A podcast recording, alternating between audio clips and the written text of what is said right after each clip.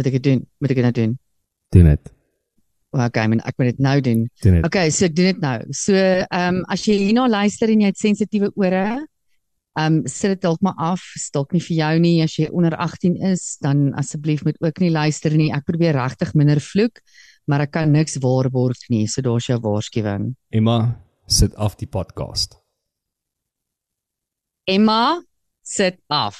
Kyk toe ek nog jong was, my ouma het altyd gesê daai het vir my weer verjaardag toe hoor ek dit mense sê. Soms hoor ek maar net en ek almal net Dis die 14de Februarie. Dit is Valentynsdag en jy luister na Klets net hier op Afrikaans.radio. Colleen, hoe voel dit vir jou? sien jy hartjies, rose en duur sjokolades? Want as ek is so lief vir myself en almal om my en ek is baie lief vir jou, spesiale woord van waardering aan my goeie vriend Matthys. Jy gaan my Valentine wees vandag. Happy Valentine's Day. Ek hoop jy voel verliefd. Happy Valentine's Day, Colleen. Dis nog interessant dat jy dit sê, want hulle sê meeste dis nog 'n groot tendens die afgelope ruk.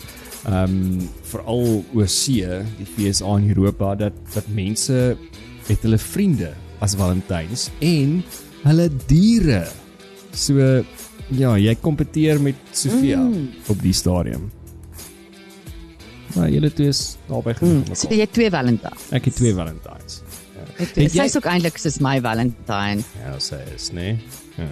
Hoorie, het jy het jy mm. op skool het het jy soos sjokolades, blomme en sulke Ah. goeders gekry? Nee, Matthys, ek was altyd daai freak wat nooit enigiets gekry het nie. Ek het ek het dit was die dag wat ek die meeste despise het op skool. Ja. Ja. Naas die dag wat ons die nalope uit dinge moet hardloop. Dit was die twee dae op hoërskool, laerskool, kleuterskool, enige fucking skool. Daar vloek ek nou weer. Ek het beloof ek gaan nie weer nie. Um wat ek gehaat het. Ek het dit absoluut gehaat. Ehm um, ja, so uh, Valentynsdag het ek maar daar in my hoekie gesit. Ek onthou ek het 1 jaar vir 'n ou wat ek groot crush op gehad het, het my vriendinne my oortuig Mm. om vir hom 'n Valentyn op te maak en ek het gesê ek gaan dit nie doen nie. Ek gaan nie want ek is net nie daai tipe mens nie. Ja. En ek was nooit so vocal oor my crush of ietsie, maar hulle het nou so half agtergekom dit is my crush. Toe maak hulle so half 'n ding uit hulle eie uit op en gaan lewer dit af vir my crush. Namens my, Matthys. Ja. As ek nou nog daaraan dink, jy weet daai daai oomblikke, daai random oomblikke wat jy sien jou kar ry en dan herinner jou geheue jou aan een of ander kak wat jy aangejaag het Ja. en dan slat jy uit in koue sweet. Ja ja. Daai was dus die grootste koue sweet oomblik van my lewe. As ek nou nog daar ek is nou al 'n bietjie oor dit, maar ja, vir tot en met 'n paar jare terug was dit nog seker koue sweet oomblik as ek dink, "Oh my god, ek kan nie glo julle het dit gedoen nie." Ek het nie 'n goeie Ah. uitkoms gehad nie. So nee, ek was altyd die girl wat huis toe gegaan het sonder enige roos. Mm. Ehm um, ek dink die ouens kan nou hulle eie kak met hulle klippe met klippe gooi. Kry vir julle, kry vir julle braas want kyk nou fabulous het ek uitgedraai. So, So so hulle um, maar ja, en jy? En um, jy, hoe was jou Valentynsdag op skool? ek weet nie ek ek was ek nog nooit regtig groot op dit gewees nie. Ja, dit dit het nooit vir my regtig sin gemaak nie. Ek weet nie, ek is mos maar 'n bietjie weird soos Kersfees en Het jy het Valentynsdag jy en- nooit a, vir 'n girl ietsie gevat nie? Nee, ek het. Ek het. Of vrou of Dit het ek whatever, gedoen. Ja, eh, ek het onderwyser of 'n Ek het die ja, onderwyser is 'n bietjie groot, okay, maar nee, ek het nie dit gedoen nie. That would have been a bit rough. Um nee, mense het mos maar die die ou rosie gekoop en gestuur anoniem, maar eintlik weet almal en hulle jy ook nog maar ietsie gekry en 'n sjokoladetjie en dit en dat. So ja, nee, it, it happened, maar mm. I don't know. It, it, Weet jy dit was nogal groot in ons tyd wat ek nou nog aan gedink het. Ek het een so telefoonoproep gekry. Onthou jy nou in ons tyd, daar was er nog nie selfone nie. van? Melese dae. So het jou jy het jou landlyn gehad. Ja. Ja. ja. So as jy nou as jy nou jou jou chommy bel of jou boyfriend of jou girlfriend dan bel jy nou na die landlyn toe na die huis toe en dan hoop jy nou maar die persoon wat jy eintlik wil kontak antwoord. Want as Ja. nou nie antwoord is ma of pa antwoord moet jy gaan Hallo oom Gerry, dis Colleen wat praat. Um ek hoop dit gaan goed met oom. Ek ek wil nou eintlik met Piet praat. Is is Piet beskikbaar? En dan Nee. hoop jy nou maar oom Gerry is nou nice, jy Ja. weet. Nee, hy doen huiswerk. En hy gaan, "Ja, nou Colleen, dit, dit gaan goed, man. Hoe gaan dit met jou maale? Vertel my eers hoe gaan dit met jou maale?" Ja, en dan dit en dan Daar, raak en dan okay nee, ek roep vir Piet, jy weet. So jy het nou gehoop. So ons het op 'n stadium, ek weet nie of 'n Kempton ding was nie. Het ons het ding gehad waar mense mekaar gebel het dan speel hulle 'n liedjie. Hulle sê Hmm. niks nie, hulle speel net hierdie liedjie vir jou oor die foon. Okay. So ek het eendag 'n oproep gehad van iemand wat vir my liedjie gespeel het. Ek weet tot en met vandag toe, 30 jaar terug nie wie was die persoon nie. Maar ek kan die liedjie nog onthou. Wat 'n song was dit? En dit Oh, is jy I'm reg scared. Matthys? Ja. Ek gaan hom ek gaan hom probeer sing, okay, ek gaan probeer sing. And I swear Oh. by the word. moon and the Nee. stars and the Wie was dit? sky. Wie was dit? Wie was daai band? Ehm um, ag, dit Ek nou- kan ek weet kan onthou wat die band nie maar ja, dit was die song. nee, dit- Try man. Maar as ek nou daaraan terugdink op die op die mature ouderdom van 43 en dit het nou gebeur toe ek dink ek 16 of 17 was. So daai tyd het ek gedink, what a fucking loser. Wie die fuck is dit? Maar nou is dit. What a loser. Hier's vir jou 'n song. En as ek soos-. Ag, here it is actually cute. Ja, dis cute. Maar hier's hier's vir jou en Mm. vir almal 'n song van my af vir Valentynsdag. Mm. Die song se naam is Candles. It was dark, load shedding. Valentine's is where we heading. Month of love in the air. Don't forget it's dark out there. Ooh, I didn't wanna buy chocolates or flowers. It's got my cock, and that's the reason why.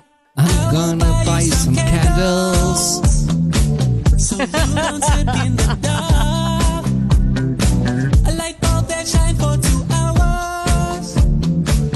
Gonna buy some candles, Colleen. Buy you some candles. Ek dink dit is die nommer 1 geskenk hierdie jaar in Suid-Afrika op Valen Val- Valentyndag, Valentyndag. Ehm um, ja, kersie gaan gaan goed wees. Ek Maar- moet vir jou sê Matthys. maar koop 'n dik kers. Ja, Jy moet 'n dik ja. kers koop. Nie daai dun kak wat jy koop Ja. hier by die Spar by die was. Jy moet 'n dik kers koop as dit Valentynsdag. 'n Ordentlike kers. Nou dat met nou, da- don't you come shoot you. Don't you come shoot you. You bring it proper or you stay away. Exactly. That's what I say. Ja. Hoorie, maar ons het 'n ons het 'n lekker episode vandag. Um ons ons gesels bietjie later met uh Dr. Eugene Viljoen. Hy's 'n kliniese sielkundige en ook 'n seksioloog van Pretoria. En dan loer ons ook in by Sydney Gilroy, die aanbieder van Bookpot oor die eerste Mm, episode om daai- ons 'n bietjie verder daarvan vertel. Ja, nee, hy's iets vir die hoog. Ehm um, so so maar voordat ons daar kom, uh sê bietjie vir my wat wat gaan aan in die nuus of wat wat gebeur?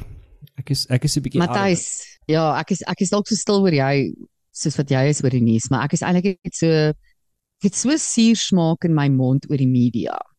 Mm. Want ehm um, okay, so Sona het nou gebeur en 'n klomp ander goed gebeur die hele tyd. Okay, maar Sona het nou vir my hierdie ge-highlight.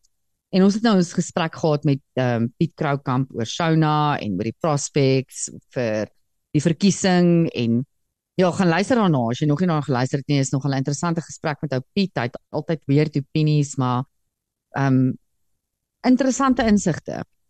Maar weet jy wat maak my so bedonderd oor die media, Matthys? kyk na sauna hoe al die media huise berig gee oor die sauna Twitter op hulle publikasies aanlyn en dan hulle sal net soos hierdie statement highlight van wat die wat die president gesê het. Dit is nou hulle groot statement van the president the uh, Cyril Cyril President Cyril Ramaphosa says we are closer than ever to ending load shedding. En dit is hulle dit is hulle fucking tweet, nê? Nee? Hmm. Nou, dit maak my so die moer in want dis sulke lui journalistiek. Dit hulle wat het geword van die die opskrifte in koerante wat ons sien. Weet jy wat is die grootste opskrif wat ek wou sien na sauna? Die grootste opskrif wat my aandag sou trek was 'n koerant met die opskrif die president praat kak. Mhm. Mm Hoekom kan die media dit nie meer sê nie? Hoekom het hulle hulle hulle het op hierdie plek gekom waar hulle speel dit so veilig. Hulle spoeg hierdie goedjies uit die quotes van wat die president sê of wat Fakile sê of wat wie ever sê, PT en sy ma en sy niggie. Wat hulle sê en dan los hulle dit net daar en dan los hulle dit vir die comment section om content te create. Dit is hulle is so lui Matthys, hulle het so pateties geword. Um ek kyk byvoorbeeld en en hulle raak al hoe meer relevant. Hulle is besig om hulle self in die voet te skiet. Ek en ons sien dit selfs in Suid-Afrika dat as ek en jy as intelligente burgers wil actually intelligente mense, intelligente individue actually net na 'n opinie wil gaan luister om ons eie te inform, dan gaan luister ons na tipe podcast Hmm. of iets wat net op True. YouTube is of so. So sien ek even Piers Morgan. Piers Morgan wat die uncensored Yes. uh uncensored with Piers TV. Morgan altyd doen. Love him or hate him, hy kan ook 'n doos wees as hy wil. Maar hy laat jou ook dink oor goeters.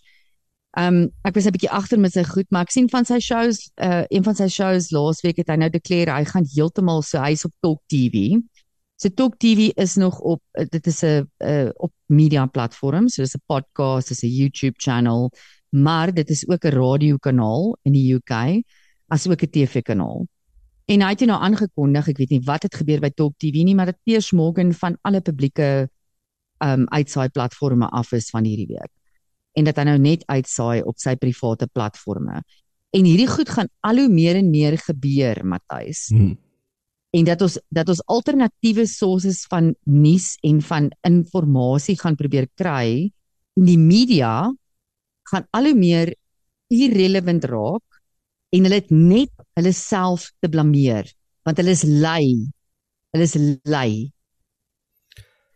Ek is ja, lui. laat ek daarso. Ek En dan sal ek vir jou vertel wat ek van Julius Ek- Malema dink. ek sê al lank al, vertel vir my van die snotedertjie.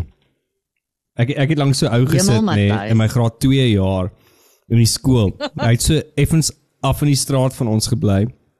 So 'n paar huise en ek weet nie hoekom het ek gedink dit gaan moeilik met hulle nie, maar ek dink dit is wat reg gewees en en ek het op 'n stadium vir my ma gesê sy moet maar ekstra ekstra toebroodjies inpak dat ek vir hom kan gee want hy sit langs my van die fucking kaland het die heeltyd sy snot geëet. So toe toe oh. sê ek vir my ma sy moet maar broodjies vir hom inpak. Um en sy het toe wou hy op 'n stadium broodjies ruil. Dis ek het so nee bro, my ma maak lekker broodjies. Nee, daai gaan nie werk nie. Maar vertel vir my van die snot eerder. Nee, voor Julius, ek het ook 'n broodjie storie. Ja. Ek moet hierdie deel my ma gaan my haat. Maar gelukkig ek luister sy nie na ons nie. So ehm um, in graad 1, my ma pak die lekkerste broodjies, Matthys, jy het nog gesien. Sy My ma doen. maak Ja, sy doen goeie broodjies. so my kos was ja, dit was altyd as hy as hy homself apply het, was dit baie goeie broodjies soos ham en cucumbers en mayonnaise op 'n lekker broodjie. Was hy tyd gehad het. As hy nie tyd gehad het nie, kry ek snoepie geld of ek kry sommer net 'n pak koekies vir die dag. Mm. En dan was ek in elk geval die populairste kind met my kosblik want ek deel my koekies vir almal uit. Populairste kind, maar jy het Maar nooit 'n anyway, so- Valentyns presente gekry nie. Ai, Here Colleen. Mm. Ja, die mans is nie mal vir my nie. Ek gaan nie Ag, geval. 'n wonde oopkrap nie, ja. so in graad 1 ek is toe nou in hierdie verskillike posskool wat my ma hand en tand voor beklei het dat ek moet inkom want my ma het geglo in 'n goeie education bless her soul. En kyk hoe goed het ek uitgedraai, nê? Mhm. Mm So ek land nou in hierdie verskillike posskool en sy pak vir my broodjies en so 'n paar dae in 'n ry verdwyn my broodjies. Want jy weet mos nou as jy in 'n graad 1 klas in kom, jy vat jou sakkie en dan gaan hy in 'n 'n rakkie in. Ja. En dan sit jy nou maar net by jou tafeltjie. Dan kom ek elke pouse en dan's my broodjies weg. My kosblik is daar, maar my broodjies is gone. En ehm um, so kom ek 'n paar dae nou in 'n ry by die huis aan en ek sê vir my ma nee, jy sien my broodjies verdwyn het. En my ma being who she is, ehm um, sê toe nou maar ek sal, jy weet, ander ma soos jou ma. Jou ma se jy weet sy sê nou gaan kom ons bak 'n ekstra broodjie. Mm. Dis seker nou iemand wat honger is. My ma gaan die bliksem die bliksem wat jou broodjie steel, ons gaan vir hom kry. O, Here, ja. en sy pak nou die volgende dag vir my broodjies. Mm. En sy sê vir my jy eet nie hierdie broodjies nie. Oh. Al steel die bliksem wat jou broodjies steel, dit nie vandag nie. Jy eet nie hierdie broodjies nie. Matthys, nou, ons het 'n seun gehad in hierdie posskool in in ons klas. Sy naam was Johannes. En nou Johannes was baie arm. Johannes Ja. het ou skoolklere gedra uit die skoolbank uit. Hy het nie altyd lekker geryk nie. Hy was regtig arm. Ja. Ek vermoed ek vermoed ewen ek het nooit sy ouers gesien nie. Ek dink dalk die kinderhuisbus het ook hom hom kom aflaai. So hier teen eerste pouse, dit was nog nie eers eerste pouse nie. Toe begin Johannes hardloop sien. Ek kan sien wat dit En Johannes is verkeerd. verskriklik siek. Ai, Here. Mm. En ek is 7 jaar oud. So ek bring die, bring nie die kloutjie by die oor uit nie.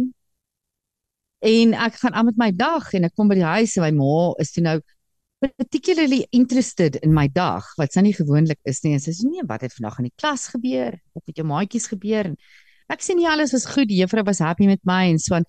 Ek sê, "Jesus, maar daar was 'n ouetjie in ons klas, Johannes. Shoo, shame. Hy was so siek vandag." Hmm. My ma sê, "Wat was fout met Johannes?" Nee. Ek sê, "Nee, "Johannes se maag het begin werk en sy sê, "Was jou broodjies in jou kosblikpouse?" Ek sê, "Nee, iemand het weer my broodjies geëet." Sy sê, "Dis Johannes die bliksem. Dit sy Hy sal nie jou broodjies eet nie." Ja, so Johannes het nie weer my broodjies geëet nie. Ai, Here. Ek het verskriklik so toe ek die kloutjie by die oor uitbring, Matthys, soos ek verskriklik emosioneel. Ek het so gehuil want ek het vir Johannes verskriklik jammer gekry. En ek het toe 'n bekeringsoomblik in my ma se lewe bewerkstellig. So toe van daai dag af toe pak sy vir my twee stelle broodjies. Een vir my en een vir Johannes. Shame. Shame. So dis my broodjie Dis storie. dis mooi. Mm. Dis ek weet nie of ek nou oor snot kan praat nie, maar dis eintlik 'n mooi storie, maar gee dit vir my. Gee dit vir my. Ou Juju.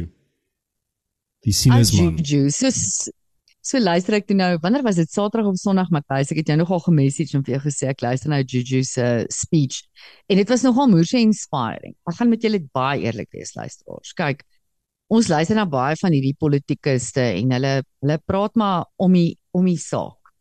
Hulle het nie eintlik 'n clear manifest wat hulle kan communicate nie. Dis op papier geskryf wat wat files en files dik is 130 bladsye is 'n manifest wat jy nou moet gaan deur vroeg om nou opinie te maak. Ehm um, nie almal nie, ek het al 'n paar partye gelees, ge, geluister en gelees wat uh, baie clear manifesto het. Maar ek was uiters beïndruk met hoe Juju begin het Mm. En hoe hy i- deur hierdie toespraak genavigate het. Ek was regtig baie beïndruk. Hy het ewen die wit die wit kwessie aangeraak. So hy het begin en hy het gesê dit is wat ons gaan doen.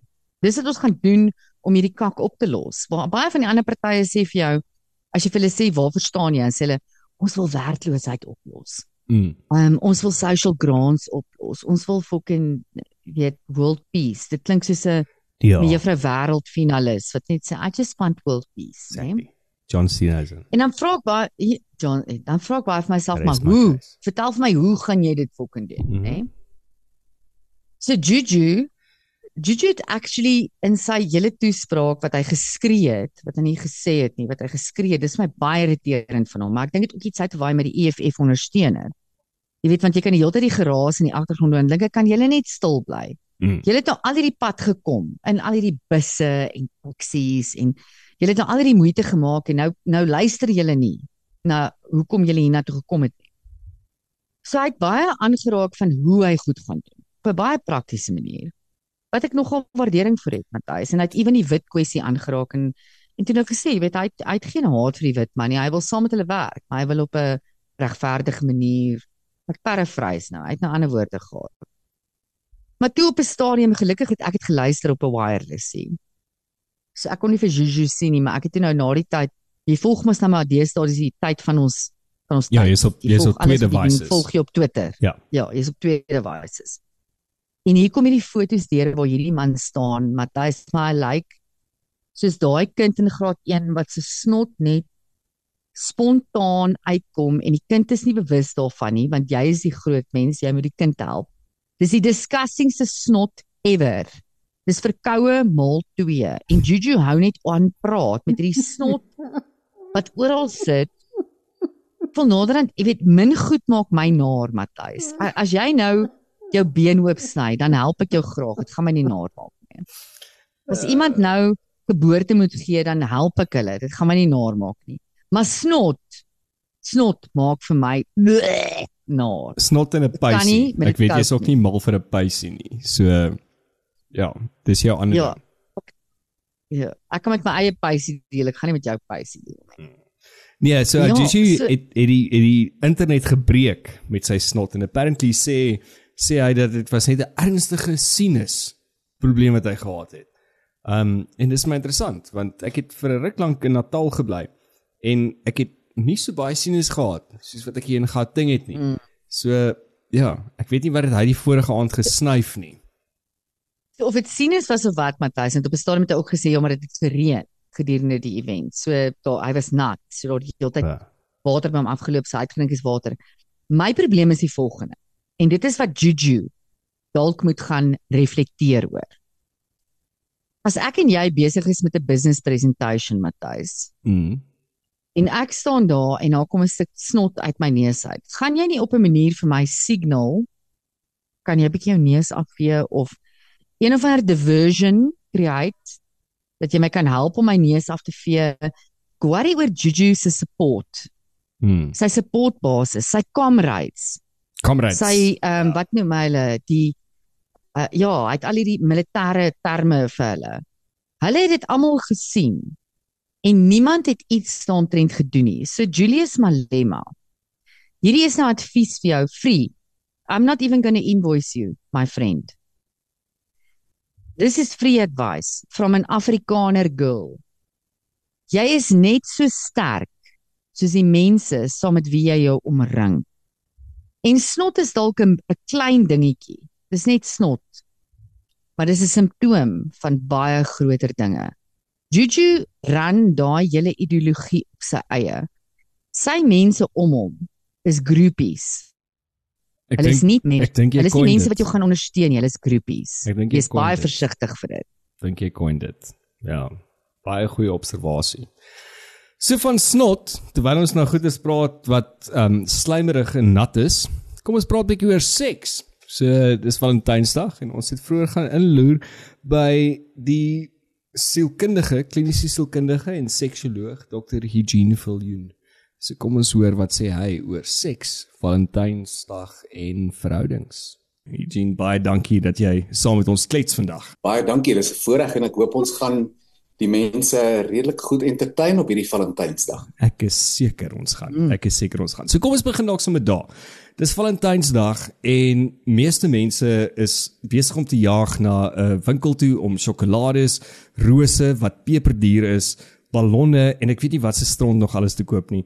Maar wat beteken Valentynsdag actually in 'n verhouding of vir paartjies? Hoe belangrik is dit om die dag te vier?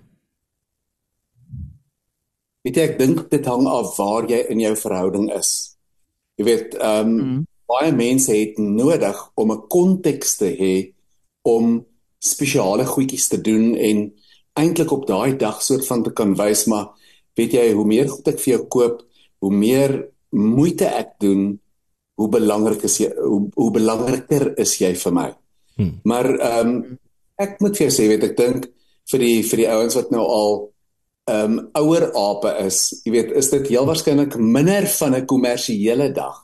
Ja. Ehm um, ek ek dink dit is 'n dis 'n belangrike dag vir die jonger ouens en vrouens en ehm um, die wat nou nog nie getroud is nie, maar die wat miskien nou al klaar gevang is in die vorm van 'n ring, is dit dalk nou iets waaraan hulle minder aandag gee. Dit beteken nie 'n mens, jy weet, moet minder aandag gee aan die liefde op enige ander dag nie. So 'n mens moet baie versigtig wees dat 'n mens nie net Valentynsdag uit uit sonder as 'n as 'n belangrike dag vir die liefde nie. Kyk, ek ek ek het dit baie mooi uitgewerk. Ek verjaar die 16de November. So ek is verseker 'n Valentynsbaba. En en die storie lei dat uh, ek het twee ouer sissies en my middelsussie se geboorte was 'n baie moeilike geboorte en my ma het amper die emmer geskop. En toe die dokter vir haar gesê jy mag nooit weer swanger raak nie. Malus is 'n lelike ding en sy het nou my pa gevang en vir 3 maande het hy nie met haar gepraat nie want toe sy nou weer swanger, maar toe hy hoor dit is 'n seun, toe is hy baie bly. Hoeveel mense dink jy raak raak swanger op Valentynsdag? Nou, ek het ek het nie spesifiek statistiek daaroor nie, maar moet vir jou sê ek ek ek dink sommige mense het 'n redelike sterk verwagting hmm. dat as hulle sekere moeites gedoen het, het hulle die konteks geskep heel waarskynlik vir 'n vir 'n goeie seksuele in ehm um, in Ervaring. of ervaring of intensiteit of Hmm. jy weet hulle het- hulle het hulle die tafel gedek, jy weet. As 'n mens nou dink, jy weet daar's baie subtiele forme waarop 'n mens 'n soort van jou toestemming vir seks kan gee. Hmm. En en en ons weet, jy weet, en ek gaan nou nie eers doekies daaroor omdraai nie. Ons weet dat die toestemming vir seks berus by die vrou. So as sy nou 'n redelike lekker uh, ding by tafel uitgedek het, jy weet, met 'n Valentyns tema, dan dink ek kan 'n mens nogal redelik aanvaar dat sy dalk 'n sekere verwagting dat iets gaan gebeur daai aand. Hmm. Mm. Ek ek hou baie van die, wat jy daar sê, Dr. Jean, van want dit is dit dit beeld uit in die natuur ook van van die man is die jagter. En ons praat nou hier net van heteroseksuele verhoudings. Ons kan dalk nou kom by homoseksuele uh, homoseksuele verhoudings. Maar die Hmm. man is altyd die jagter, selfs in die natuur en die en die vrou gee die toestemming. So Ja. sê nou ek is in 'n verhouding, ek is nou 'n vrou en my man is moerse besig en nie heeltemal so so gefokus op ons verhouding meer nie, maar hy is nog lief vir my en hy's moer besig op Valentynsdag, hy dalk vergeet daarvan. Hoe kan ek daai rol ook omruil as 'n vrou to action the call vir intimiteit? Waar want ek dink in baie van ons huidige kontekste het daai rolle 'n bietjie verander. Waar is nie altyd die vrou wat die toestemming meegee nie.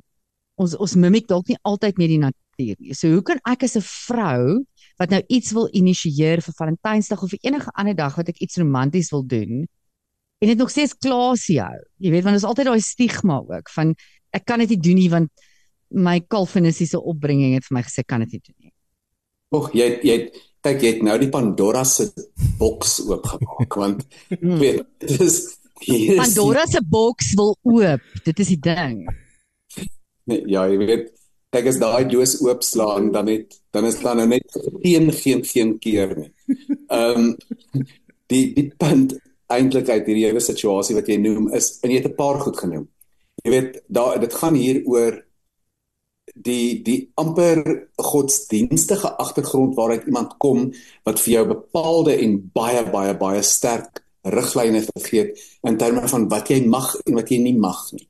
So, jy weet, nou jy begin deur jou voorbeeld te noem van jy is nou lank getrou, die man werk, hy's baie besig, weet hy het vergeet van Valentynsdag en sy wil nou iets spesie spesiaals doen. Ek kan vir jou sê daai ou moet nogal besonder toe wees as hy nie daai um, clues gaan optel nie.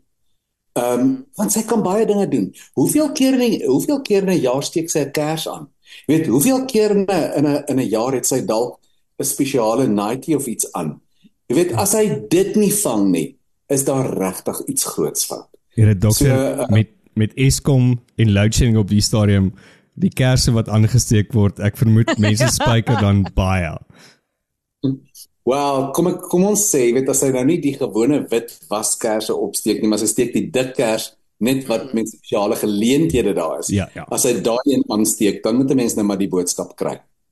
hm. Mm.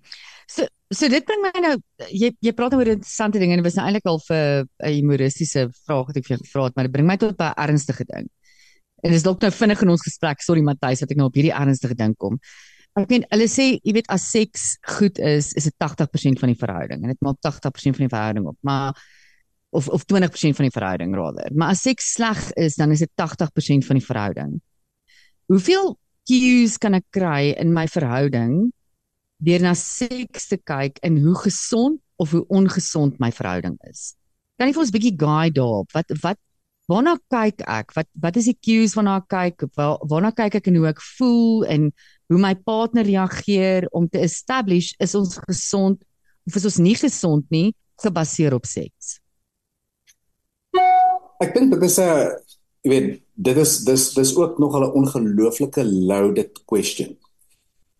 Want die punt is, wat is normaal? Hmm. Jy weet, Ja, Is- ja. is is is is dit normaal nommer 1 dat twee verskillende lywe waarvan die een kom ons sê dan nou in hierdie geval eh, as ons net kyk na heteroseksuele maar dit kan ook verwys na 'n same sex tipe van van verhouding. Dit Absoluut. daar is daar is verskille in terme van die behoeftes ten opsigte van intimiteit.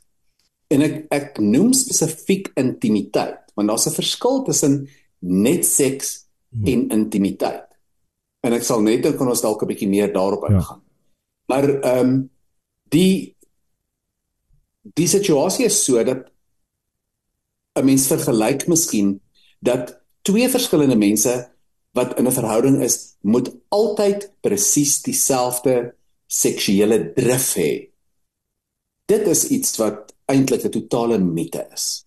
So, die een wat die hoër drif het en minder kry, voel dalk ongelukkig. Die een wat die minder of die laer drif het, is gewoonlik die een wat die pas aangee in terme van die seksuele frekwensie. Jy weet so so nou is die een wat 'n hoër drif het, is die een wat nou eintlik altyd half dankbaar moet wees as daar nou net so 'n ou stukkie krummeltjie van die tafel afval. So dit gaan bepaal uiteraard natuurlik hoe gelukkig jy is of hoe jy hoe ongelukkig jy is. En hier is die kruks van die saak. En dit is dat 'n mens moet dit bespreek. En as as dit in die begin van 'n verhouding en ons weet, in die begin van 'n verhouding kan jy eenvoudig net nie jou hande genoeg van die ander persoon afhou nie. Jy weet en en en en jy kan nie genoeg kry nie. En elke keer as daar 'n geleentheid is, dan is daar 'n dalk 'n 'n liefdesmaakproses. Maar na mate 'n persoon ouer word, raak daai frekwensie ook 'n bietjie minder. En as so 'n jong egpaar byvoorbeeld baie vinnig kinders kry, sê vir jou daar is niks wat so vinnig 'n seksuele verhouding verander as wanneer daar kinders is nie. Anderswoorde die biologiese stelsel van die vrou het verander, die situasie van die man het miskien verander. Hy moet nou harder werk, sy is meer moeg want sy moet in die nag opstaan, etcetera, etcetera, etcetera. So dit bring jou dan onmiddellik by um, 'n um, dispariteit. Dis nou 'n vreeslike highfalutin Afrikaanse woord, wow. maar die Engelse woord is a disparity in your sexual um needs. Jy weet en mm. en, en soos wat 'n mens deur 'n verhouding gaan, neem die waarde van seksuele aspekte verander. Hmm. Jy weet in die begin so, so met ander woorde as as dok sê normaal, dok het in die begin gesê jy moet kyk wat afwyk van normaal. Jou normaal verander ook die hele tyd. En jou no normaal as jy sê normaal, dit is nie normaal vir almal deur die bank nie. Want ja, elke ek, ek, verhouding is dinamies, nê? Dit dit is jou normaal nou en en dit verander ook. Absoluut en ek bedoel as as jy as jy wil bepaal van wat is normaal, dan gaan jy nie buite kyk en jy gaan lees in een of ander tydskrif of kyk op die internet wat is nou normaal vir mense nie want wat normaal is vir ander mense is nie noodwendig normaal vir jou nie. Daar's sommige mense wat 7 keer op 'n dag seks wil hê en dit is hulle normaal. Daar's ander mense wat eenmal 'n jaar seks wil hê en dit is hulle normaal. So dit beteken wat is of dit verwys eintlik daarna wat is normaal vir daai koppel, daai egpaar. Wat is vir hulle normaal? Jy weet as hulle 'n verwagting het dat 3 maal 'n week is hulle normaal dan is dit waarteen hulle dit kan kan kan meet of teen dit kan weeg. Maar hmm. dit is absoluut oor wat geld en wat is belangrik vir daai egpaar. En dit is normaal. En ek dink dit is normaal. Ek ek dink dis daar waar dit partykeer moeilik raak want uh, as mens kyk na na die literatuur en en mens lees verder dan sê hulle dat dat mans en vrouens speak seksueel op verskillende fases in hulle lewe mans hoofsaaklik 30, vrouens 'n bietjie later en en dan sit ons met daai negotiation wat jy op 'n stadium moet hê oor waar ons oor seks moet praat. En en die interessante ding is is Sydney Gilroy het 'n onderhoud gedoen wat ons later nou gaan luister in die program ook um oor wat hy met 'n stoomromanskrywer of 'n hygromanskrywer, stoomromanskrywer was my baie mooi geweest wat sy sê dat daar is soveel woorde, net 5 woorde wat eintlik seks beskryf. En dit is gewoonlik baie brutaal en en lelike woorde, kras woorde. En ons is nie geneig om te kommunikeer daaroor nie, maar as ons kyk na waar ons is as 'n paartjie en ek is in my 30s en my vrou is dalk ook of wat ook al dit is en nou gaan ons in ons 40s is, ons behoeftes verander. En hoe hoe impakteer daai op 'n verhouding van wat die mense daar buite sien. Ons praat nou van goeie wat in die slaapkamer gebeur, maar hoe hoe speel dit verder uit in my lewe? Ek dink hier moet 'n mens baie goed onderskei tref tussen twee aspekte. Die een is jou biologiese drif of dryf en die ander een is jou emosionele drif of jou emosionele dryf.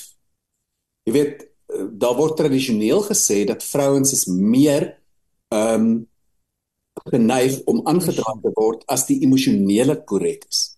Mans is baie meer aangedryf op grond van die fisiese.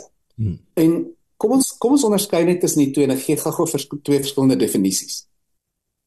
Die fisiese hou uiteraard natuurlik verband met jou vlak van gesondheid en veral met jou vlak van hormonale ehm um, potensie. Met ander woorde by vrouens gaan dit oor haar estrogen dryf, by mans gaan dit oor sy testosteroon dryf. 'n Man skei elke liewe dag van sy lewe in die oggend tussen 4uur en 9uur is sy testosteroonwaardes op die hoogste. 'n Vrou gaan deur haar menstruele siklus en haar estrogenwaardes wat haar ook seksueel meer ontvanklik maak, is rondom die tyd van haar ovulasie. En en dit is met ander woorde miskien 3-4 dae van 'n maand het het sy daardie hoër biologiese dryf.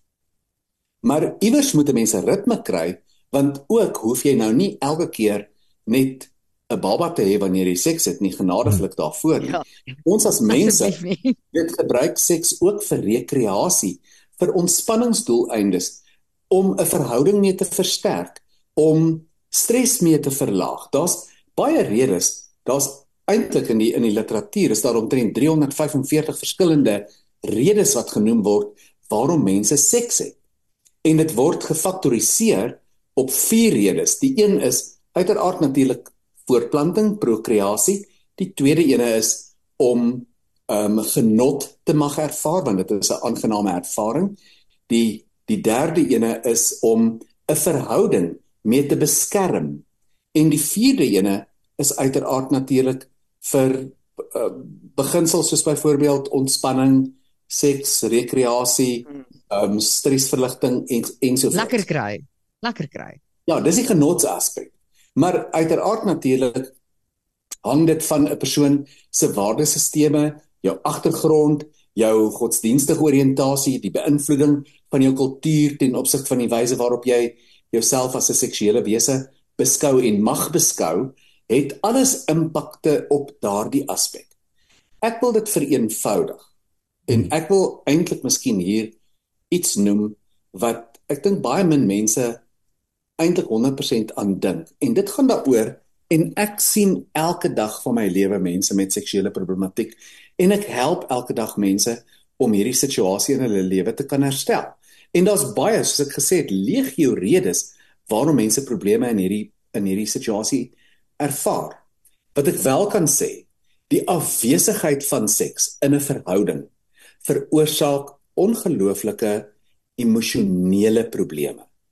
Want ek wil dit nou regtig miskien so ver vereenvoudig om te sê dat 80% van ehm um, seks bestaan uit die situasie van die boodskap wat jy met jou met jou partner het en wat jy oor oordra op 'n emosionele vlak. Die eerste een is ek vind jou seksueel aantreklik. Ek wil graag seks met jou hê want jy is vir my spesiaal. Ek wil jou eintlik tot die punt bring wat ek voel jou dalk in 'n vorm van ekstase kan bring. En vir my is dit belangrik dat jy dit moet ervaar binne 'n verhouding en is dalk heel waarskynlik meer belangrik as my eie klimaks of of genot wat ek daaruit kry. Die blote feit dat jy weet jy in staat is om enige iemand tot daai punt te bring, is nogal belangrik. Die vierde punt wat ek wil noem is dat Hier is 'n 'n mate van oorgawe wat jy net by sekere mense gaan toelaat. Ek bedoel as jou buurman na jou toe kom en sê jy nou 'n crash op jou buurman het of dalk iemand by die werk, gaan daai persoon jou nie noodwendig tot 'n klimaks kan bring nie, want jy gaan nie noodwendig daai vlak van oorgawe gee, jy weet om by daai punte kan uitkom nie. So dis 'n dis 'n baie eksklusiewe aspek wat op 'n emosionele basis in die brein in die brein gedryf word want jy weet baie min mense dink daaraan maar jou grootste geslagsorgaan sit nie tussen jou bene nie hy sit tussen jou ore en hmm. dit wat jy in jou brein ervaar is dit wat die kwaliteit van jou klimaks gaan verteenwoordig en veroorsaak so die die 20% of 10% wat dit werklik waar fisies is, is is daai fisiese interaksie, dis die genotsaksie ensovoorts ensovoorts. En as as dit net daaroor gaan, kan jy dit vir jouself ook gee deur middel van selfbevrediging. Jy hoef dit nie in 'n verhouding te doen nie. Verhouding is harde werk. Jy weet so die die die verhoudingsaspek het werklik wat my betref, wat die seksuele aanbetref, 'n 80% emosionele beginsel en dalk net 'n 20% fisiese beginsel. So, so op grond wat jy nou sê dokter, wat is die grootste uitdagings wat jy sien elke dag as jy mense in jou spreekkamer kry? Wat is die uitdagings wat hulle het as dit kom by by seks en verhoudings? Wat is die grootste probleme waarmee ons sit? Weet jy by jong mense en ons sien geweldig baie jong mense is is die grootste kom ons noem dit dan nou maar seksuele patologie waarmee die mense presenteer is met pynlike sekservarings. Met ander woorde, die vrou ervaar dat sy ehm um, kan nie die man ontvang nie, penetrasie is vir haar pynlik. Ehm um, en sodra sy pyn ervaar, is die volgende keer wat dit moet gebeur, het sy alreeds daai vrees dat dit gaan pynlik wees en dan sy al klaar 'n vorm van 'n beklemming. By mans daarteenoor, as hy dalk miskien een of ander faling gehad het en hy kon nie 'n ereksie kry nie, die volgende keer gaan hy wonder, gaan ek byvoorbeeld kan presteer of gaan ek weer 'n faling hê? Sodra daai angs begin toeneem, dan is die kans dat jy 'n faling kan hê is feitelik omtrent 100%. So dit is dis wat ons sien, jy weet by by jonger mense. By ouer mense raak dit amper meer 'n kwessie van wat ons noem libido versteurings. Met ander woorde, die behoefte aan ehm um, seks verander. En en daar is weer eens soos ek gesê het 'n legio van aspekte wat daarbey betrokke is. Waarvan hormonale probleme is heel waarskynlik amper dalk een van jou belangrikstes as as iemand met so iets by 'n spreekkamer kom presenteer en dan dan moet daardie aspekte gewoonlik geëvalueer word in die vorm van bloedtoetse ensovoorts. Hmm. Die tweede aksie wat wat dit ook veroorsaak is probleme in die huwelik. Goed soos konflik, goed soos aggressie, goed soos byvoorbeeld onsekerheid, emosionele onveiligheid. Um, al daardie aspekte presenteer op 'n op 'n psigiese vlak om basies die libido of wel, uiteraard as dit negatief is natuurlik gaan dit negatief beïnvloed word en dit gaan die libido onderdruk en geen mens gaan hulle self op daai manier blootstel nie. Ehm um, en en dan uiteraard natuurlik siekte toestande. Jy weet aspekte soos byvoorbeeld ons as seksoloog ehm um, en daar's baie statistiek daaroor kan as 'n man byvoorbeeld begin om te presenteer met erektiele disfunksie en en hy word nie medies uitgewerk jy weet vir aspekte soos hoë cholesterol ehm um, diabetes diabetes tipe tipe 1 of tipe 2 nie maar meestal tipe 2 ehm um, en daardie tipe van goed nie uitgewerk word nie sê die statistiek vir ons gewoonlik dat so 'n persoon dalk die moontlikheid het om binne die volgende 5 jaar 'n hartaanval te kan kry Jy weet so as jy begin ja. met seksuele disfunksie, moet jy daarna laat kyk want dit is baie dikwels een van die voorlopers tot moontlik een of ander vorm van 'n ernstiger siekte wat éventueel voorkom kan word. Jy weet of uitgestel kan word of behandel kan word. Mm. En en wat van ander eksterne faktore? Ek so, so dok praat nou oor baie oor hormonale goeters en hoe ons oud word en die en die evolusie en ehm um, van ons jy weet van ons biologie en so aan maar ek meen as ons kyk na die statistieke dit dit is eintlik skrikwekkend van hoeveel hoeveel minder seks het mense versus byvoorbeeld 10 jaar terug. Um, dat ek meen ek het net nou nou na die statistiek gekyk dat versus byvoorbeeld 2017 is daar oor die algemeen en dit was nou een steekproef wat gedoen word, skus vir die pan steekproef. Um, wat gedoen was um, en en bepaal het dat 10% van mense het nou geen seks, so zero sexual partners versus 2017. En hierdie trend hou aan groei. wat van ander, jy weet ek dink byvoorbeeld aan die jeug, Dr. Eugene, en dat hulle later begin seks hê, hulle het 'n minder hulle het 'n baie kleiner belangstelling in seks en 'n mens kyk na goeie so sosiale media soos die hulle hulle ervaring van van intimiteit jy weet wanneer hulle het nie meer daai interaksie met mense so wat ons gehad het toe ons groot geword het nie. Um wat is die tendense wat jy daar sien spesifiek dalk oor teenoor jong mense? Ek dink die ouer mense, hulle kan dalk nog die evolusie hanteer van hulle biologie en en anders begin seks hê en anders begin intimiteit hê. Maar dit is my amper skrikwekkend dat die jong mense wat net nie eens intimiteit betree nie. Slat nie. Hulle stel nie belang nie. Hulle ja. Jy's jy's heeltemal reg en een van die groot aspekte wat wat hierby betrokke is dat kinders word baie vroeër geseksualiseer deur die teenwoordigheid of die blootstelling of die voortydige blootstelling of selfs die feit dat hulle dat hulle net skraal op goed en hulle kom op pornografie af. Jy weet die die die pornografie aspek by jong mense is werklik waar myns en siens en en ek praat ook uit ander seksolose spreekkamers uit 'n baie groot probleem. Hmm. Ehm um, want enerzijds gaan dit daaroor dat jy ontwikkel en almal is seksuele wesens. Maar dit hang baie sterk af van wat is jou eerste seksuele blootstelling.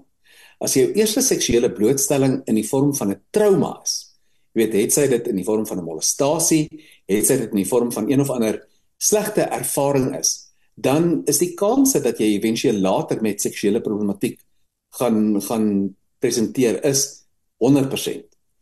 As jy baie vroeg in jou lewe leer dat jou enigste vorm van seksuele prikkeling is visueel deur middel van pornografie, dan bly dit baie sterk op 'n visuele vlak vasgevang. Maar eh, en dis waar ons mense moet weer herleer om al hulle sensoriese modaliteite te inkorporeer as dit kom in 'n verhouding. En en die situasie van van ehm uh, van pornografie gee vir baie mense en jong mense veral 'n totale skewe beeld in terme van wat dit is wat van hulle verwag word. Want in die werklike lewe is dit nie so nie. En hoe dit lyk. Jy weet, net om 'n groot ding ook. Ja, is... presies. Ek het so ruk terug het ek 'n ding op kaart blanche gedoen oor seksuele verslawings en pornografie. En die ehm um, onderhoudvoerder het vir my gesê dat hulle het net voor dit het hulle onderhoude gevoer wat in dieselfde insetsel gebruik was van Suid-Afrikaanse pornografie sterre. En wat hulle vir my gesê het is dat die eerste die eerste scene wat geskiet word is die orgasmiese scene. So daai mense kan jy nou dink kom op hierdie stel aan. Hulle het mekaar nog nooit voorheen gesien nie. So binne die eerste paar minute moet hulle nou by die punt kom dat hulle die klimaks sien soort van kan vervilm En daarna is dit nee, nou moet jy so staan, nou moet jy so staan. So dit is alles so ongelooflik gestage hmm. dat jy weet wanneer dit nou wat is die Afrikaans wanneer dit geëdit word. Hmm. Jy weet dan edit hulle dit nou in dit wat nou verwag word en wat nou die grootste stimulasiewwaarde gaan gee. So niks van dit wat in die pornografie wêreld bestaan is eintlik deel van die realiteit van wat mense in hulle slaapkamers ervaar. Jy weet en en dit maak mense of dit ek dink dit beseer mense in terme van hoe om 'n intieme verhouding te benader. Het jy het vroeër gepraat van intimiteit in verhoudings en dat jy sê dat die twee is is geskei tussen seks en intimiteit. Brei dalk net vir ons 'n klein bietjie uit daaroor. Wat hoe hoe speel dit uit in my daaglikse lewe? Intimiteit en seks. Weet ek dink ek dink die die die aspek wat ons maar baie ook sien in die spreekkamers is dat baie mans en vrouens wat wat betrokke geraak het met ehm um, kom ons sê met met pornografie het nooit die konsep van die die die liefdesaspek wat binne in 'n verhouding bestaan en wat eintlik tot 'n groot mate jou dryf is tot die soeke na 'n klimaks Want wat is 'n klimaks binne in 'n verhouding? Die klimaks binne in 'n intieme verhouding is tot 'n groot mate eintlik daardie fisiese manifestasie van die mees intensste vorm van liefde wat jy nie verbaal of fisies kan uitdruk nie. Jy wil dit jy wil dit fisies beleef. Dit is wat 'n klimaks eintlik wonderstel is om te wees binne in 'n verhouding. Ehm um, en en in baie gevalle kom mense nie by daardie punt uit nie, dan voel hulle dit gefaal. Of daar is daar sekere goed wat vooraf opgestelde idees wat mense het ten opsigte van hoe dit moet wees. En dan is daar hierdie voorskrifte binne 'n verhouding van nee, maar jy moet dit doen, jy moet moet dit doen en jy moet nou oor daai hoep spring en jy moet deur hierdie ding spring ensovoorts en dan gaan jy suksesvol wees. Baie egpare wat ek sien dink dat hulle kan alleenlik seksueel hulle self opwerk deurdat penetrasie seks moet gebeur. Want dan daar's geen voorspel nie, daar's geen aanleiding tot tot 'n verhoging in in die intensiteit nie. Jy weet en die die werklike statistiek sê dat 'n man kan 'n klimaks bereik van die begin met ander woorde van 0 tot hero binne 3 minute. Hmm. Vir 'n vrou om daai selfde ding te doen van 0 tot hero is 13 minute. So ons sit iewers te met 'n 10 minute gaping. Hmm. So wat gaan mense na daai 10 minute doen?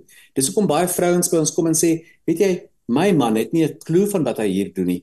Hy probeer om 'n eier te bak op 'n koue stoof. Jy weet en en, en en en en dit is 'n groot aspek dat jy dit selfs by senior mense kry. Ons praat van senior mense van ouer mense kry wat nog nie daardie konsep eintlik kon klein kry nie. Ek het 'n vriendin wat altyd gesê dat 'n man is soos 'n mikrogolfoond. As jy die knoppie druk, is hy daar. 'n Vrou is soos 'n gewone konvensionele oond. Jy moet hom warm maak, en tyd gee voordat jy enigstens iets in die oond sit. So dis dis duidelik wat jy nou sê en dit is heeltemal waar. Ek dink ons almal kan dit kan dit verstaan. Wat wat sal jy sê is die grootste taboes as dit by seks kom in verhoudings? Die die dinge wat wat ons almal hang aan die klok as 'n taboe. Maar eintlik is dit maar net wie ons is en wat ons nodig het.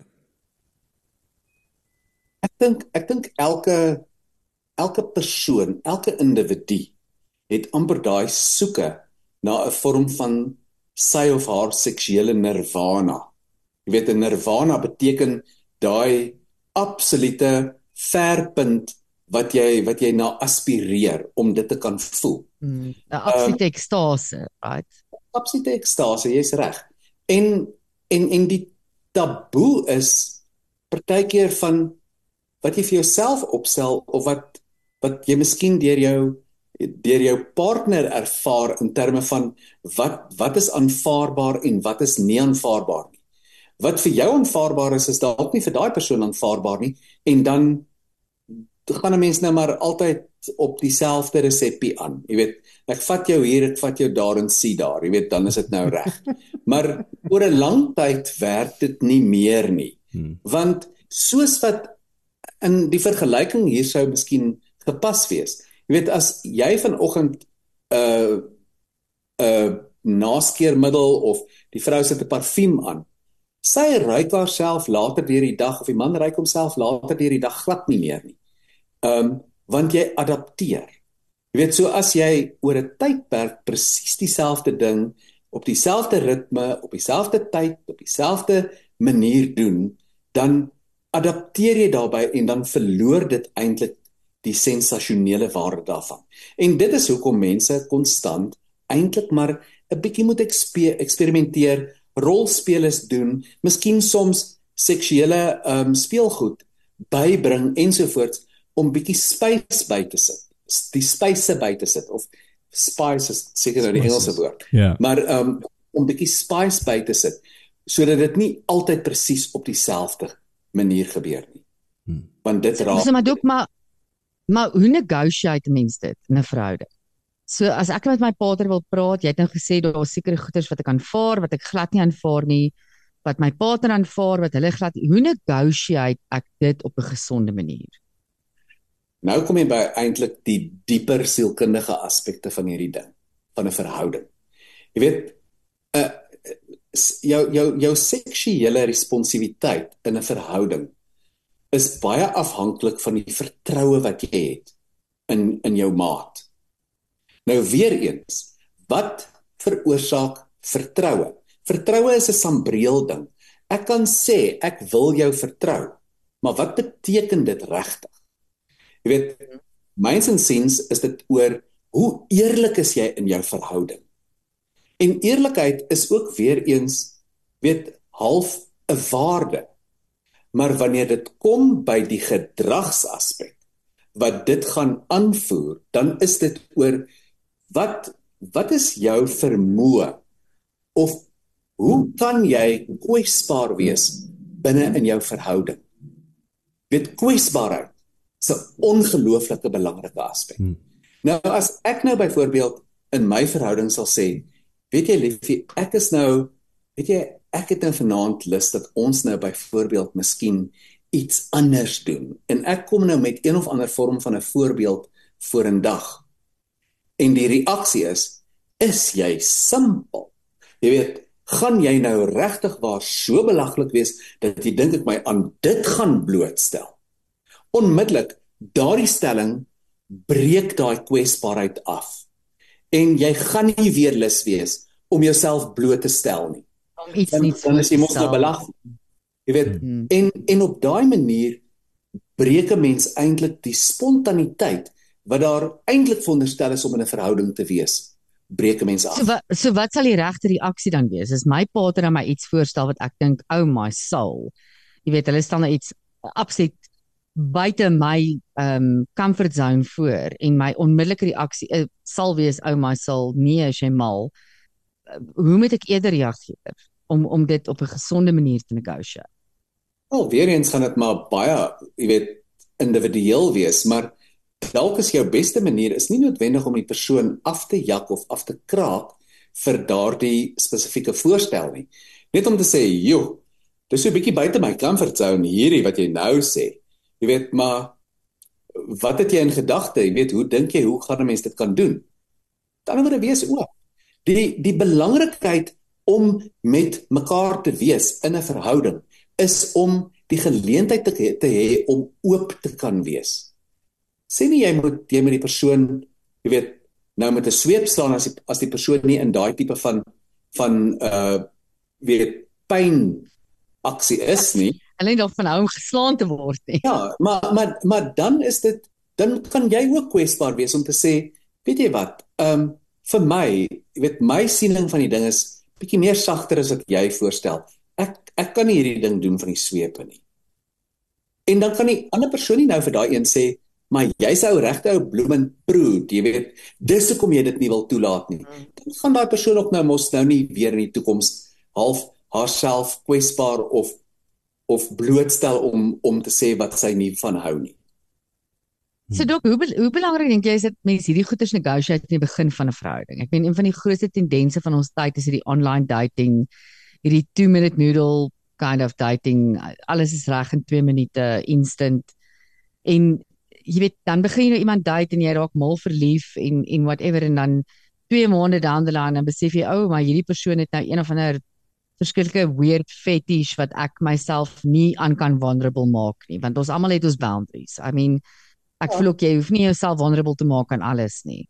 Jy moet jou boundaries hê en jy moet So hoe belangrik is dit en hoe doen ons dit in die begin van 'n verhouding om hierdie hierdie nitty-gritties uit te sorteer? Daar's net een woord daarvoor. En dit is gee die proses tyd. Tyd is 'n ongelooflike belangrike ding. Jy weet in ons huidige lewe waar alles onmiddellik moet gebeur. As jou baas nou vir jou e-mail stuur, al is dit nou 8uur in die aand, moet jy nou bereid wees om daai e-mail te kan antwoord. Dis absurd. Jy weet so al hierdie dinge uit die omgewing uit bring dit vir mense na die punt dat alles moet nou gebeur. Met ander woorde, jy het jy het 'n jy het 'n konsep van onmiddellike behoeftebevrediging wat nou moet gebeur. So, jy weet ons ontmoet mekaar Vrydag aand by die klub. Maandag staan ons vir die landros dan trou ons en Vrydag is ons in die egskeidingshof. Want Ja. hierdie hierdie ding was net te vinnig. So en en en daar sal baie mense wees wat dalk met my gaan stry, maar ons kan nie teen die statistiek stry nie. Dit is 'n tendens wat deesdae gebeur. Baie minder mense trou deesdae. Baie mense bly langer in 'n verhouding saam met mekaar sonder om te trou. Juis om eintlik 'n bietjie mekaar die kat uit die boom uit te kan kyk. Mm. En dit is so. Enige verhouding gaan deur sy verskillende fases. Daai eerste fase wat ek net nou beskryf het in terme van elkeen is so ongelooflik warm vir mekaar want dit is nou jy's nou die die beste ding sedert gesnyde kaas wat ek nou ontmoet het. En dan gaan ons mekaar nou soort van opgebruik. En dan op 'n stadium kom daar ook 'n bietjie einde daaraan, want dan raak die lewe nou weer eintlik realisties. En dit is waar baie egpare uitmekaar val, want nou voel hulle daai hoë energievlakke is nie meer daar nie. So miskien is ek nie so lief vir hierdie persoon soos wat ek gedink het ek is nie. Maar eintlik is jy besig om dalk in 'n volgende fase oor te gaan om te kyk, is daar nie dalk iets anders meer substansieels in hierdie verhouding nie.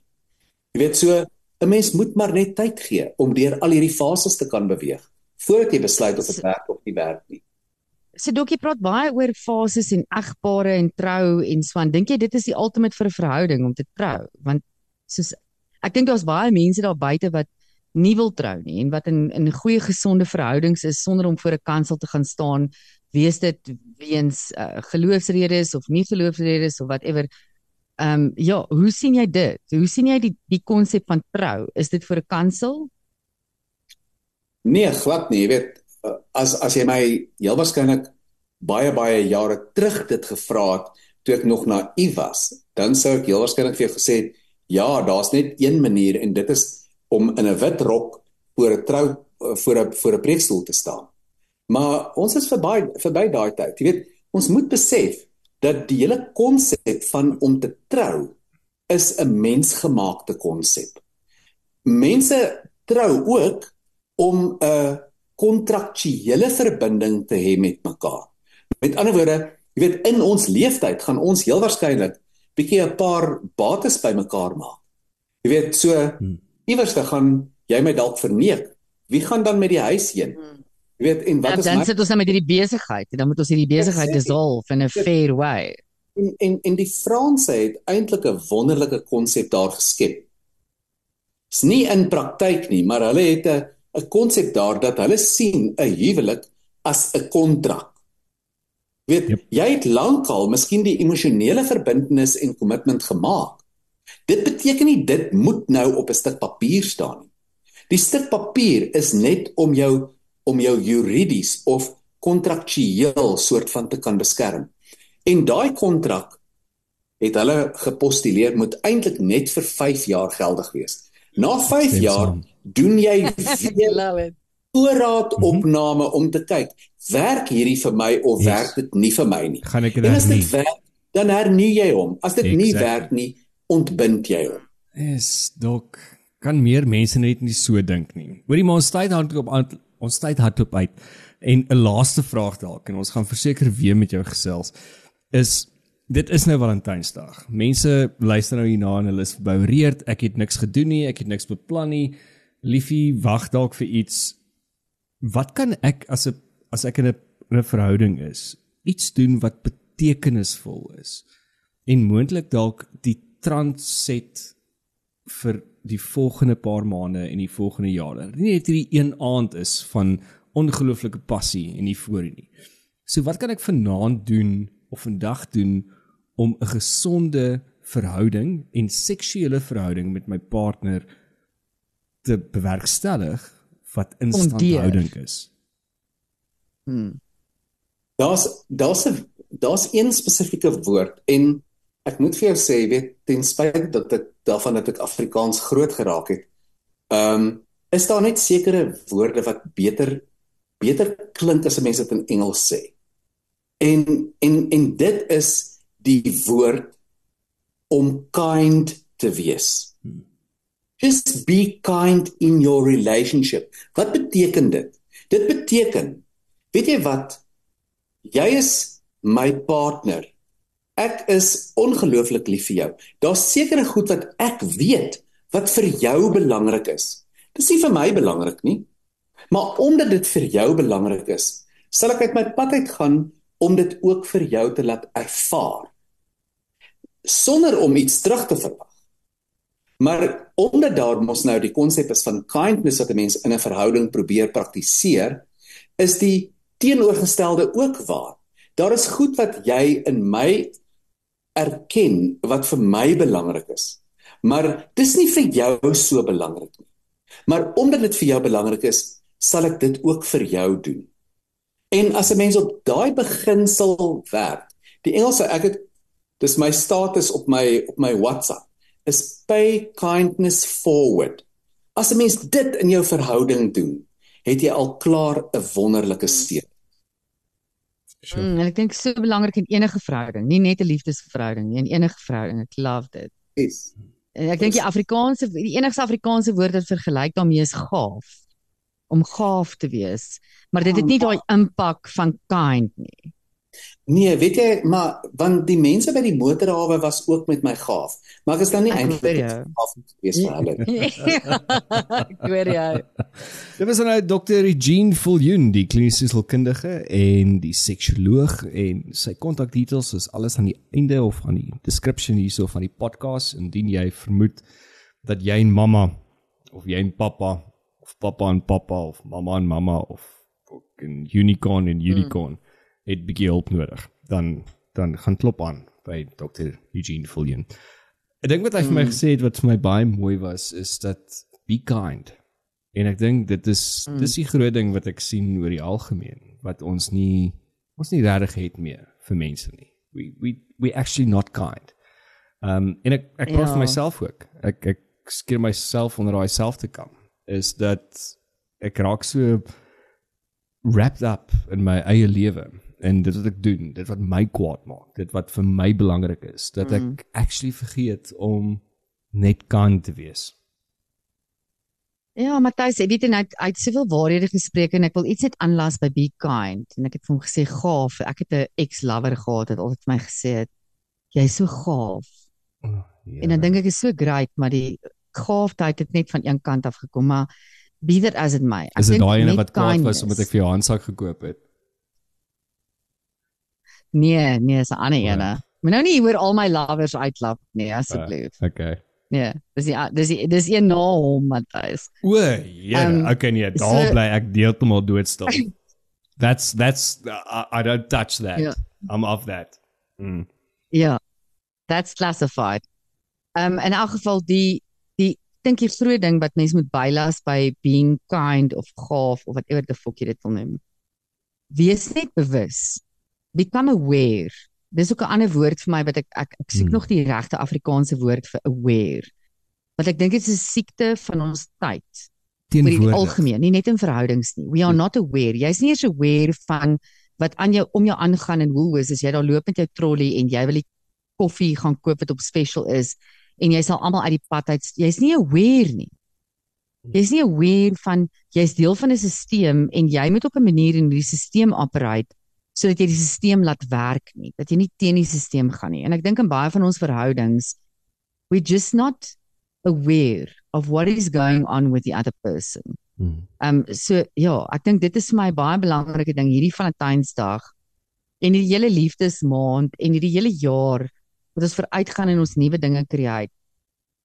Vat net 'n oomblik and just be aware of wat gaan aan met die mense om jou. Check net 'n bietjie in met hulle en vind uit wat gaan aan met jou. Be aware and be kind. En so gepraat van vind uit wat gaan aan.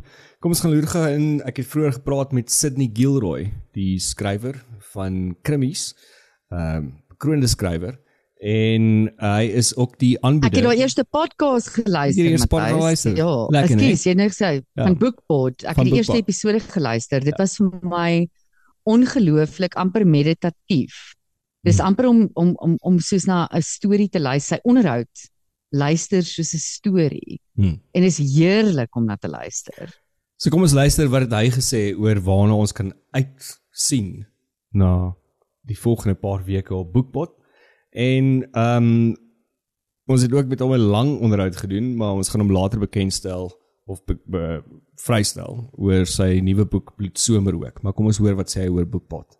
Sydney, jy's ook die aanbieder van die nuwe program uh Boekpot op Afrikaans.radio en baie dankie. Die eerste episode is uit en en dit was vir my heerlik geweest om daarna te luister. Jy sê in die eerste episode daar gaan 'n klomp goeders gebeur en en jy gaan 'n kom met klomp mense praat. Geef ons net so vinnige idee. Ehm um, vertel vir ons 'n bietjie meer van wat wat kan ons in Boekpot voorverwag in hierdie eerste seisoen. So met Boekpot wil ons dinge bietjie anders doen. Ons wil regtig die brieke van boeke afhaal mense is so gewoond aan om 'n skrywer op 'n verhoog by 'n fees te sien of miskien by 'n leeskring of dalk net hulle Facebook persona te ken. So ek vat luisteraars in die skrywers en die mense in die uitgewersbedryf se sitkamers in. En ons gesels lekker. Nie net oor tegniese dinge nie, maar ook sommer net oor die lewe en kos en allerlei dinge. Um die eerste aflewering was nou Erla Marie Diedriks gewees, hmm. die spanningsverhaal skrywer en uh, sy skryf ook erotiek en romanses en dan in die volgende aflewering gaan Lyle Arendse vir ons kom kuier. Lyle is 'n kletsrymer gewees wat um, in Engels gerap het hier in die Weskaap. Hmm. En nou verskuif hy sy fokus na sy eerste digbundel na Afrikaans toe. En dit is nogal iets om te ervaar. En dan gaan ons by Bet Smith inloer, iemand wat al meer as 30 jaar se ervaring het met die skryf van romanses sure. en historiese romanse en ook spanningsverhale en Bets gaan sy noeme ding op sy naam. So sy help verskriklik baie jong skrywers om te ontwikkel en ek het gedink dit gaan lekker wees om met Bets daaroor te gesels. En dan tussendeur het ons sulke ouens wat inval in die studio. Ons het vir Willie Strauss ons slep ek noem hulle sleps ons celeb chef. Ehm um, hy kom in en hy hy gee ons tips. Hy gaan nie resepte deel nie, hy gaan vir ons tips gee. So hy gaan vir ons sê dit dit is hoe jy moet maak as jy wil hê dit moet so proe. En dit is wat jy nie moet doen nie. En dan het ons ook vir Leonie van Rensburg van Graffiti Boeke. Ek is seker almal ken hulle. En Leonie kom deel met ons die harde syfers van wat verkoop en wat nie en maar sy gaan ook vir ons vertel van nuwe boeke op die horison. Ek is altyd so jaloers op haar want sy weet van al die nuwe boeke lank voor ons ander dit besef wat kom. En sy het dit eendag gelees ook, lank voordat ons ons hande daarop kan ja. raak. Ja, sy sê regte stout dat ek vrees vir die dag wat jy ou nie begin resensies skryf. Daar was 'n mooi woord wat in die eerste um uit uitgawe of episode van van Boekpot uitgekom het, 'n stoomroman dit was vir my so ja. mooi om om 'n hygeroman anders te skryf. Erlei het dit so mooi verwoord want ek ek sal nou maar uit die kas uit klim en erken dat ek romanse en 'n stoomleser is. Ek geniet dit. Ek hou van dit. Ek noem dit altyd my bullet boeke want dit is so 100 bladsye van pure ontvlugting en ontspanning. Hmm. Nou die stoom is net waar die temperatuur so klein bietjie hoër is. Um en Erla het dit so, so mooi verwoord. Ek het altyd gedog, jy weet, dit is kree en bar om oor seks te skryf, maar Erla sê dit is nie so nie. Jy is essensieel as jy oor seks skryf want vrouens is essensieel en vrouens is meestal die leser van hierdie romanses. So sy het die beeld gebruik van 'n vrou se hand teen die stomende glasdeur van die stort. Hmm. En dit behoort vir jou alles te sê van wat 'n stoomromanse is. Ek kry hoendervleis. Net net as ek dit is dis die mooiste beskrywing wat ek nog gehad geluister het of gehoor het toe ek na daai onderhoud luister wat jy met daag gedoen het. Baie dankie daarvoor. Dan hoekom doen jy krimmies en wat beteken krimmies? Wat wat beteken die woord krimmie? Dit klink vir my so half ietsie bietjie ek nie terug. Ek wou nie krimmies gedoen het nie. Nie uit die jy weet as 'n keuse nie. Ek wou maar net boeke geskryf het. Um maar lyk my ek skep nou hierdie karakters wat 'n paar van hulle is nie lekker in die kop nie en 'n paar van hulle pleeg misdade. So dan moet daar noodwendig 'n speeder wees om dit dan te gaan oplos. Um krimis is een van die mees snel verkopende genres in die wêreld en ek is gemaklik om daarin te skryf. Ek wil graag my hand probeer aan ander genres, maar dit sal seker met tyd en met die jare kom en wanneer ek meer die tegniese vernuf het om dit te kan doen. Ek dink 'n krimie vir my is jy sien iets gebeur in 'n krimie wat nie in die alledaagse lewe gebeur nie. Nommer 1, jy sien 'n misdaad wat plaasvind of jy lees van 'n misdaad. Nou ons lees elke dag van misdade in die koerant en ons sien dit in die aand op die nuus, maar ons het al ge desensitized geword, hmm. soos die Engelse sal sê. Ons het, dit beïnvloed ons nie meer nie. Maar in 'n krimi het jy het die skrywer die geleentheid om iemand in te trek in die verhaal en dan daai misdaad vir hulle 'n realiteit te maak. En dan gebeur die baie belangrike ding van in 'n krimi word die misdaad meeste van die kere opgelos.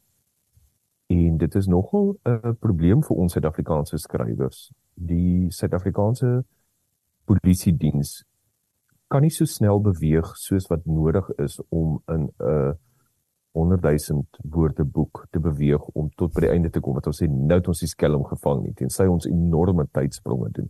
So jy moet nogal redelik kreatief omgaan met die feite om dit reg te kry. Hmm. Maar dit gebeur nog steeds. Die skuldige ou ry aan die pen.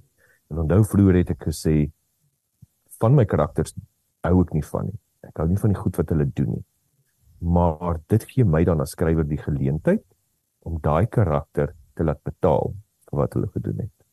En dit is net maar hoe ons samelewing saamgestel is. Ons hunker na vergelding. Ons hunker na geregtigheid want op die einde van die dag vertel dit vir ons hierdie rowwe wêreld is veilig genoeg vir ons om ons kinders in groot te maak en om in 'n ou te word. En in 'n krimie hou daai fantasie aan. As jy nou kyk na die situasie van Suid-Afrika en ons kyk na die parlement, Lyk dit 'n bietjie soos 'n krimie? Jong, ek dink is meer 'n gangster novel as ek dit nou so so platvloers moet moet noem. Ehm um, ek dink dit is 'n krimie nie. Ek dink daar is kriminele elemente, ja, natuurlik, maar ons het nog nie mekaar se huise begin plat skiet of bomme op onder mekaar se karre begin plant weer of mekaar in ons restaurante en shopping centers begin uitmoord nie. So nee, ek sal nie sê dis 'n krimie nie. Ek dink is maar soos 'n gangster tipe novel wat daar aangaan. En as jy mens dink alle maar maar net vir die net vir die rekord, ek het al reg oor die wêreld gewoon en werk. Hmm. Alle parlemente is maar so. Dis maar net die graad van van rapportering en journalistiek daarop en hoeveel die publiek daar omgee wat dit die na die voorgrond bring. So as jy 'n boeknaam of as jy nou die boek moet skryf, die gangster boek oor oor Suid-Afrika, kom ons noem dit so, wat sal die naam wees? Frot. Grot of Frot? Nee nee, Frot, V R O T, Frot. frot. Hmm. Ek hou van dit. Ek ek ek dink dis 'n dis 'n mooi naam. Ja, so ek was 'n bietjie stout geweest aan die einde en ek het vir Sydney gevra as as hy nou 'n krim skrywer is en ehm um, hy moet nou 'n titel gee van Suid-Afrika vir 'n boek as hy nou die boek moet skryf. Toe sê hy front. En dink dit som dit so mooi op. dis front. Alhoewel hy sê dis bietjie meer dis bietjie meer gangster. Dis pragtig. As wat dit as wat dit 'n 'n krimboek is. Maar ja. So gaan luister na Boekpot. Mm. Ja die die man het verseker 'n manier met woorde en met idees. Ek ek is regtig mal oor hom en wat ek gelief het van hierdie onderhoud is dis duidelik vir my dat hy hy's ook nie bang om die die leeu se ballas te gaan gaan kill nie. Hy hy kan nogal 'n bietjie edgy raak. En ek hou van sy eerste onderhoud met hierdie um wat noem jy dit die die smoorskrywer. Wat het jy dit genoem? 'n Smoor. Woord onthou. Smoorskrywer. Nou gebruik. Lustige Stoom stoomskrywer. Literaat. Stoomskrywer. So dit was die eerste episode van Boekpot. Mm. As jy dit nog nie geluister het, gemaak seker jy luister dit en volg dit is ook beskikbaar nou op Google Podcast op uh, Spotify op Apple Podcast, klomp ander goeters. Gaan luister dit, daar's 'n klomp lekker episode wat wat voorlees soos hy vandag vir ons vertel het. En Colleen, dit was nou klets en dit was Valentynsdag. So uh, ek weet nie wat om anders vir jou te sê nie, mm. maar Ja. Nee, mag jou dag gevul wees Matthys met alles wat jou hart warm maak, wat jou siel expand, exactly. wat jou belustig maak. En ek kan dit nie beter sê as hierdie sang nie. Candles. It was dark. Load shedding. Valentine's. Valentine's is where we exactly. headed. Month of Presies net so. In the air. Don't Hier kom hy. forget it's dark out there. Ooh, I didn't wanna buy chocolates or flowers. It's got my cock, and that's the reason why. I will buy you some candles Exactly. so you don't sit in the dark. Jy moet nooit in die donker alleen sit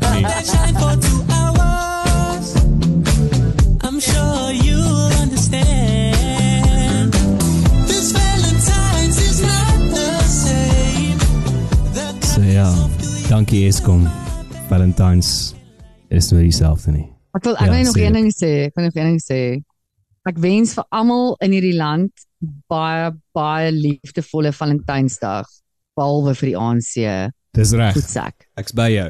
En as jy nou nog nie iets beplan het nie, beplan nou maar ietsie nice, né? Spyker nou maar iets raak. Ons vyf woorde wat hulle sê wat wat seks beskryf in Afrikaans. Ek weet dit nie nou gesê het toe ons met Dr. Eugene gepraat nie, maar dit is apparently naai spyker ehm um, wat wag, naai spyker. Help my. Ehm, um, ons 'n paar. Ek kan nou nie indink nie. Daar's 'n klomp. So doen dit. Pomp. Pomp. Doen dit. Dis die most famous one. Pomp. Pomp. So doen dit en as jy alleen is, steek hand in eie boesem. Dis ook okay. Mm. Jy gaan okay wees, ou groote. Happy Valentine's Day. Mother Mary and her five daughters. Exactly. Doen dit. Kyk mooi na jouself. Jou Robert Blix. Cheers. Kyk toe ek nog jong was, my ouma het altyd gesê daai het vir my weer verjaardag toe hoor ek dit mense sê. Soms hoor ek maar net en ek almal net